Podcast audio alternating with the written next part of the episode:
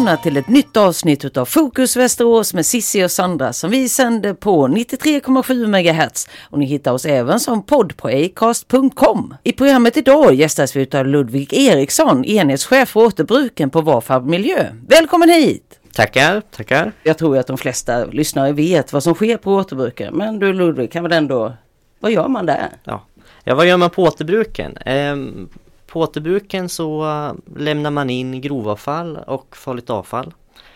Um, vi finns ju till som sagt för hushållen och för företagarna. Vad är det som uh, folk slänger mest då? Vi kan säga att uh, under våren och sena hösten då har vi väldiga toppar på trädgårdsavfallet. Under vintern då är det mera inomhusavfallet och kanske man slänger möbler eller man kanske rensar något rum eller något förråd.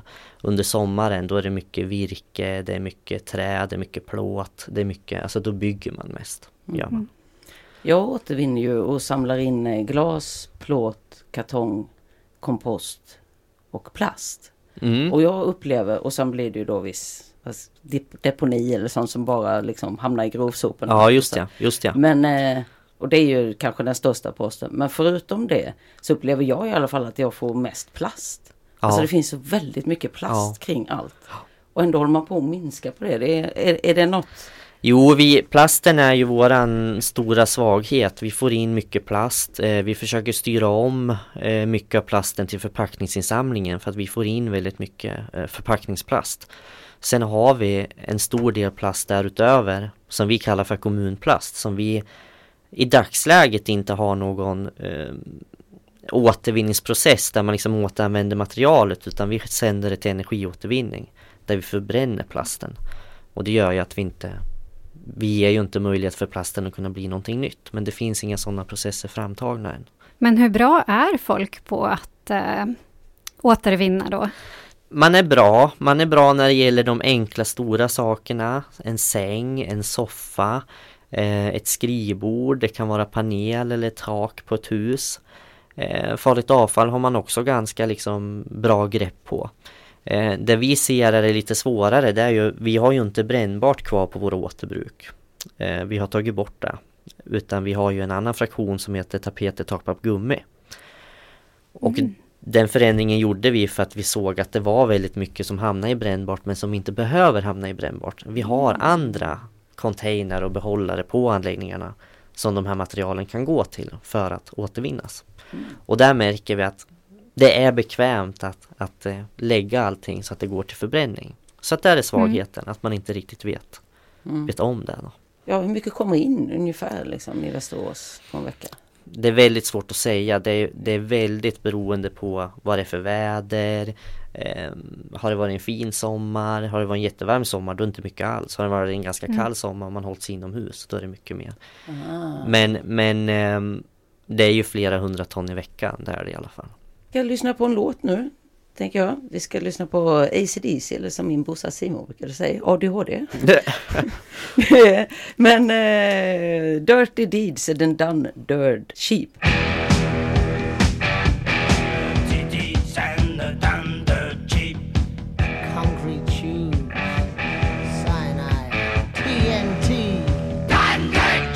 Så heter alltså låten och ni lyssnar på Fokus Västerås med Sissi och Sandra och vi har med oss Ludvig Eriksson som är enhetschef för återbruken. Tidigare så pratade vi om eh, vad man kan göra och vad man kan lämna in och hur mycket ni får. Ja. Ni har tidigare i år fick ni göra åtgärder för att folk kommer dit och stjäl ja, avfall. det stämmer bra. Vad var det ni gjorde för någonting då? Vi har ju liksom alltid på våra återbruk haft Eh, stöldproblematik. Sen under sommaren förra året, under 2019 då, så eh, eskalerade det här ganska hårt för att vi märkte att de här gärningspersonerna eh, hade andra metoder, de blev mer våldsamma och de var liksom mera eh, hårda i sitt sätt att försöka få till sig sitt material. Och då såg vi ett akut behov av att behöva göra vissa åtgärder. Så att det vi vidtog var ju att bland annat utbilda våra medarbetare i utbildning inom hot och våld men också i kundbemötande för att verkligen förstärkas. Liksom hur ska jag agera? Vad har jag för rättigheter? Hur jag agerar? Men hur gör jag också ett bra kundbemötande? Och hur kan jag hantera en jobbig situation? Där? Samtidigt så eh, tittade vi på vår insamlingslösning. Det som är populärt att stjäla på återbruken det är elavfall. Det materialet mm. ägs av en producentansvarsorganisation och det gör att själva insamlingssystemet är ganska likt över hela Sverige. Och då behövde vi kika på vad kan vi göra för för insamlingslösning just på våra anläggningar med våra behållare men att det ändå fungerar med deras insamlingsprocess. Och då har vi vidtagit vissa eh, åtgärder kring just behållarna. Det kan vara insynsskydd, eh, andra typer av behållare, eh, andra rutiner.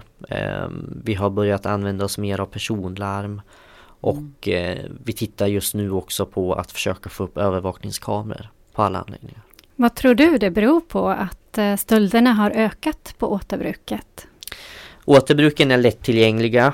Eh, vi har öppet väldigt mycket. Eh, vi är populära. Vi har ungefär två miljoner besökare varje år. Och det gör att det är lätt att smälta in i mängden. Eh, samtidigt så har vi material som är åtråvärt. Vi har väldigt mycket av det elavfallet som kommer in så är det väldigt mycket diskmaskiner, kylskåp, tv-apparater, telefoner, surfplattor, datorer som, som är helt funktionella. Det handlar bara om att den som har lämnat in dem är liksom, den har ingen nytta av det eller den är trött på det, den har köpt något nytt. Och då är de här helt funktionella eh, och kan då säljas på andrahandsmarknaden. Mm. Och sen har vi också bilbatterier som ett åtråvärt material för att det är. Eh, man får mycket pengar om man kan återvinna blyet då, så att det stjäls ganska mm. mycket med efter de här åtgärderna? Har ni redan kunnat se någon skillnad? Om vi säger de här stölderna som liksom genererade hotsituationer och våldsamma situationer, de har, eh, våran upplevelse är att de har minskat. Samtidigt så har vi också blivit att vi är mera på nu, att vi vågar kliva fram, vi ringer polisen på en gång eller vi trycker på personlarmet på en gång och det har gett resultat i att vi har polisen oftare ute på våra anläggningar och tar de här gärningspersonerna på bar gärning. Mm. Och det ger effekt för att då, mm. då, då, då, håller de sig undan ett tag för att de vet om att mm. vi har tät kommunikation med polisen. Sen är det alltid så att det är mer gynnsamt eh, med sådana åtgärder i större kommuner för att där har man större närhet till polisiär närvaro mm. än exempelvis i våra mindre kommuner. Du nämnde kameraövervakning tidigare, ni kollar på den ja. möjligheten. Vad ja. skulle kunna ja, vara ett hinder för att ni inte ska få övervaka?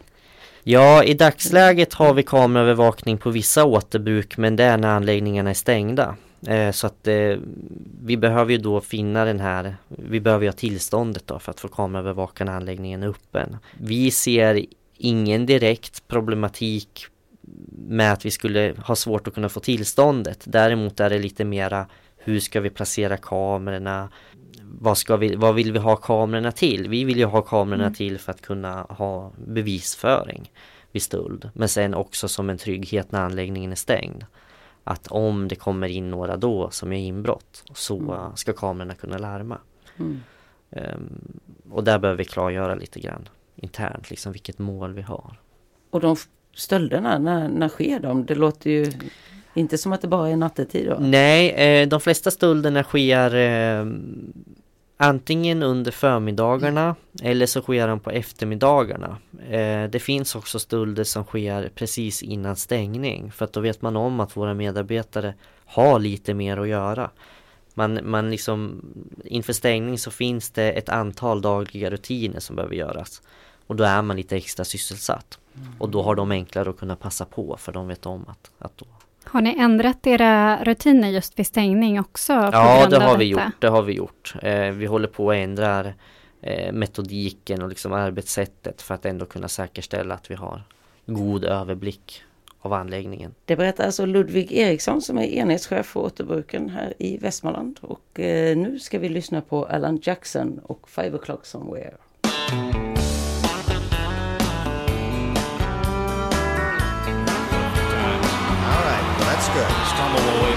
Okay, we just want to make sure you can keep it between the navigational beacon. Det där var alltså Alan Jackson och Five O'Clock Somewhere och vi pratar återbruk och återvinning och det som rör detta tillsammans med eh, Ludvig Eriksson. Hur bra eller dåliga är folk på att sortera rätt? Då? Ja, jag skulle säga att de här liksom eh, vitala sakerna som glas, metall, eh, pappersförpackningar, eh, även vad det gäller liksom trä och isolering och det, det är man väldigt bra på. Men när man kommer till lite svårare saker och det är framförallt plast då är det lätt att det hamnar i hushållssoporna i gröna soptunnan mm. Eller att det, plastförpackningarna hamnar på återbruket bland stora container för plast och frigolit. Vad ska man göra för att eh, folk ska bli bättre? Det vi kan göra är att informera. Eh, vi håller på att kika på nu. Det har eh, tagits fram ett eh, nytt skyltsystem som man liksom vill ska bli ett eh, generellt eh, skyltsystem för hela Sverige eller hela Norden. Eh, som ska finnas på återvinningscentralerna, återbruk, återvinningsstationerna, inne i sophusen.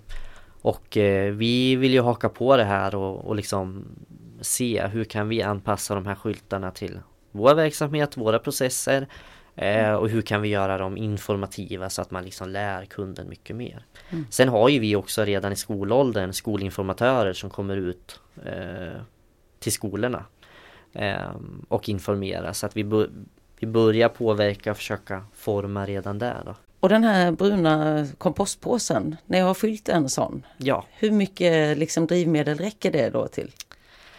Ungefär? Ja, alltså det, det, om vi sätter det samman istället till att du skulle ta kompostpåsen och tanka din personbil på biogas så kommer det ungefär 4 kilometer. Okej, okay. ja. men det är ändå rätt bra. Det var det ganska är, bra. Ja, tycker jag. Det, det är... Så för varje kompostpåse 4 kilometer ja, ungefär? Ja. Mm. Och så drar det då mer när det är en buss eller? Hur ja, det, den drar ju lite mera då, gör den. Ja, eh, det är ju tyngre fordon så att det blir lite mer. Mm. Ehm, men det är ändå läckert tycker jag. Att, det är, ja. Mm. att man producerar liksom drivmedel, det blir som ett kretslopp. Ja, oh ja. Um, och fyra kilometer på en kompostpåse, då inser man att det behövs ganska mycket kompostpåsar för att ja. ändå liksom ja, kunna försörja hela lokaltrafiken. Och, mm. mm stor del av våra fordon är ju biogasdrivna också, även ute i kommunerna. Och, och med det sagt så ska vi nu lyssna på Dire Straits och Walk of Life.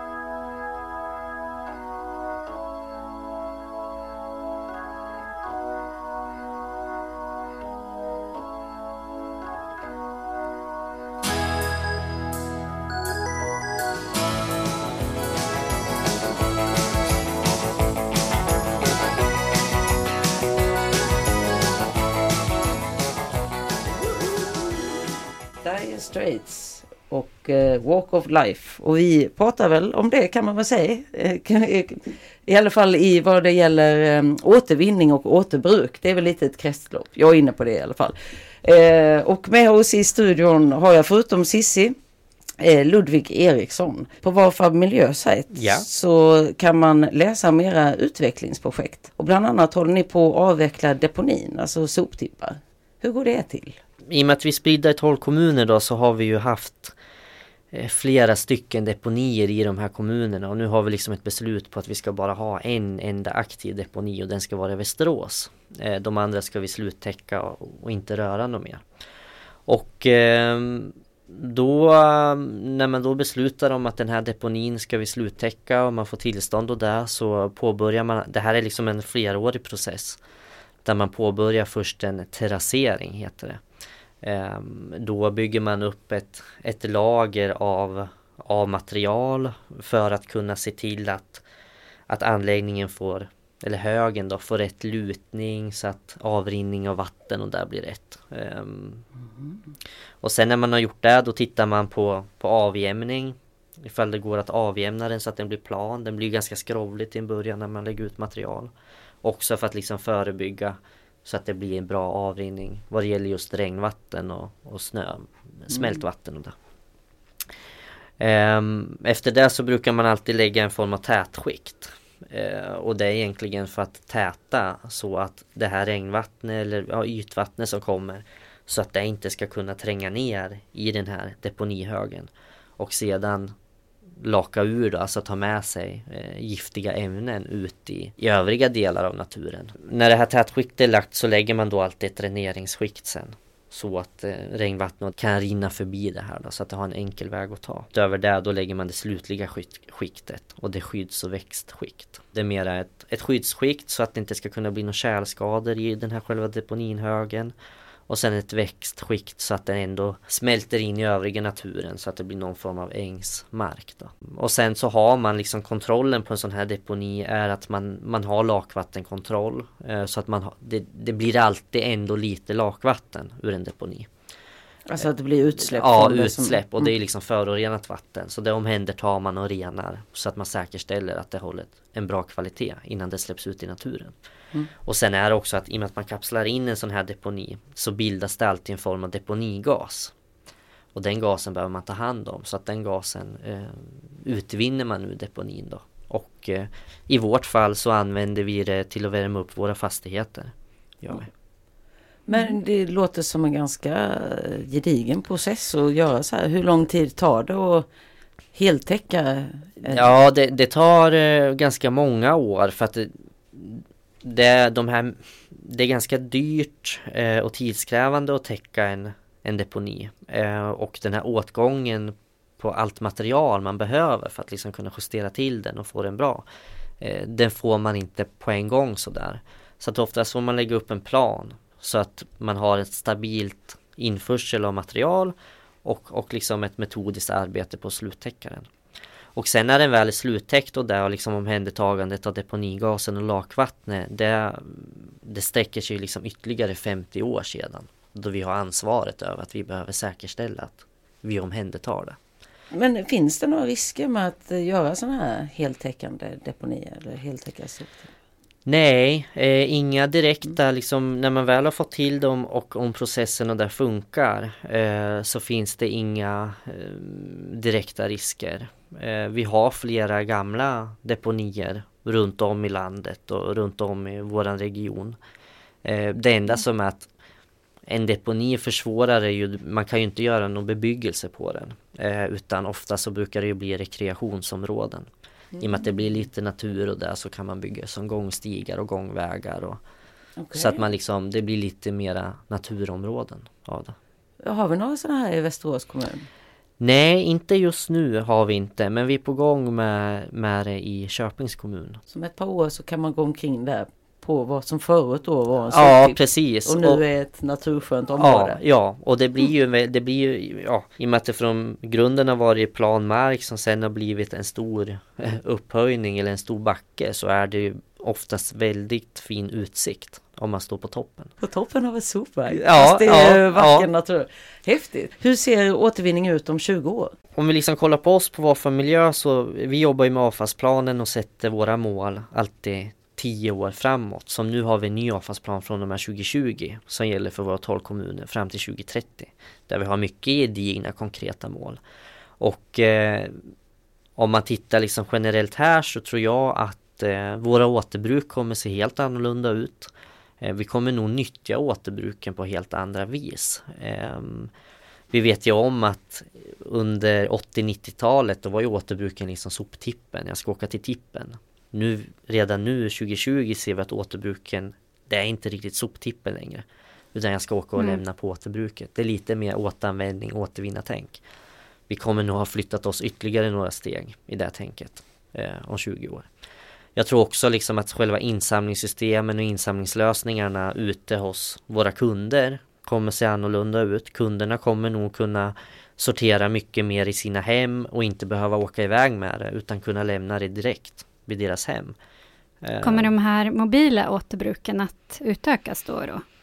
Ja, jag tror att de kommer utökas.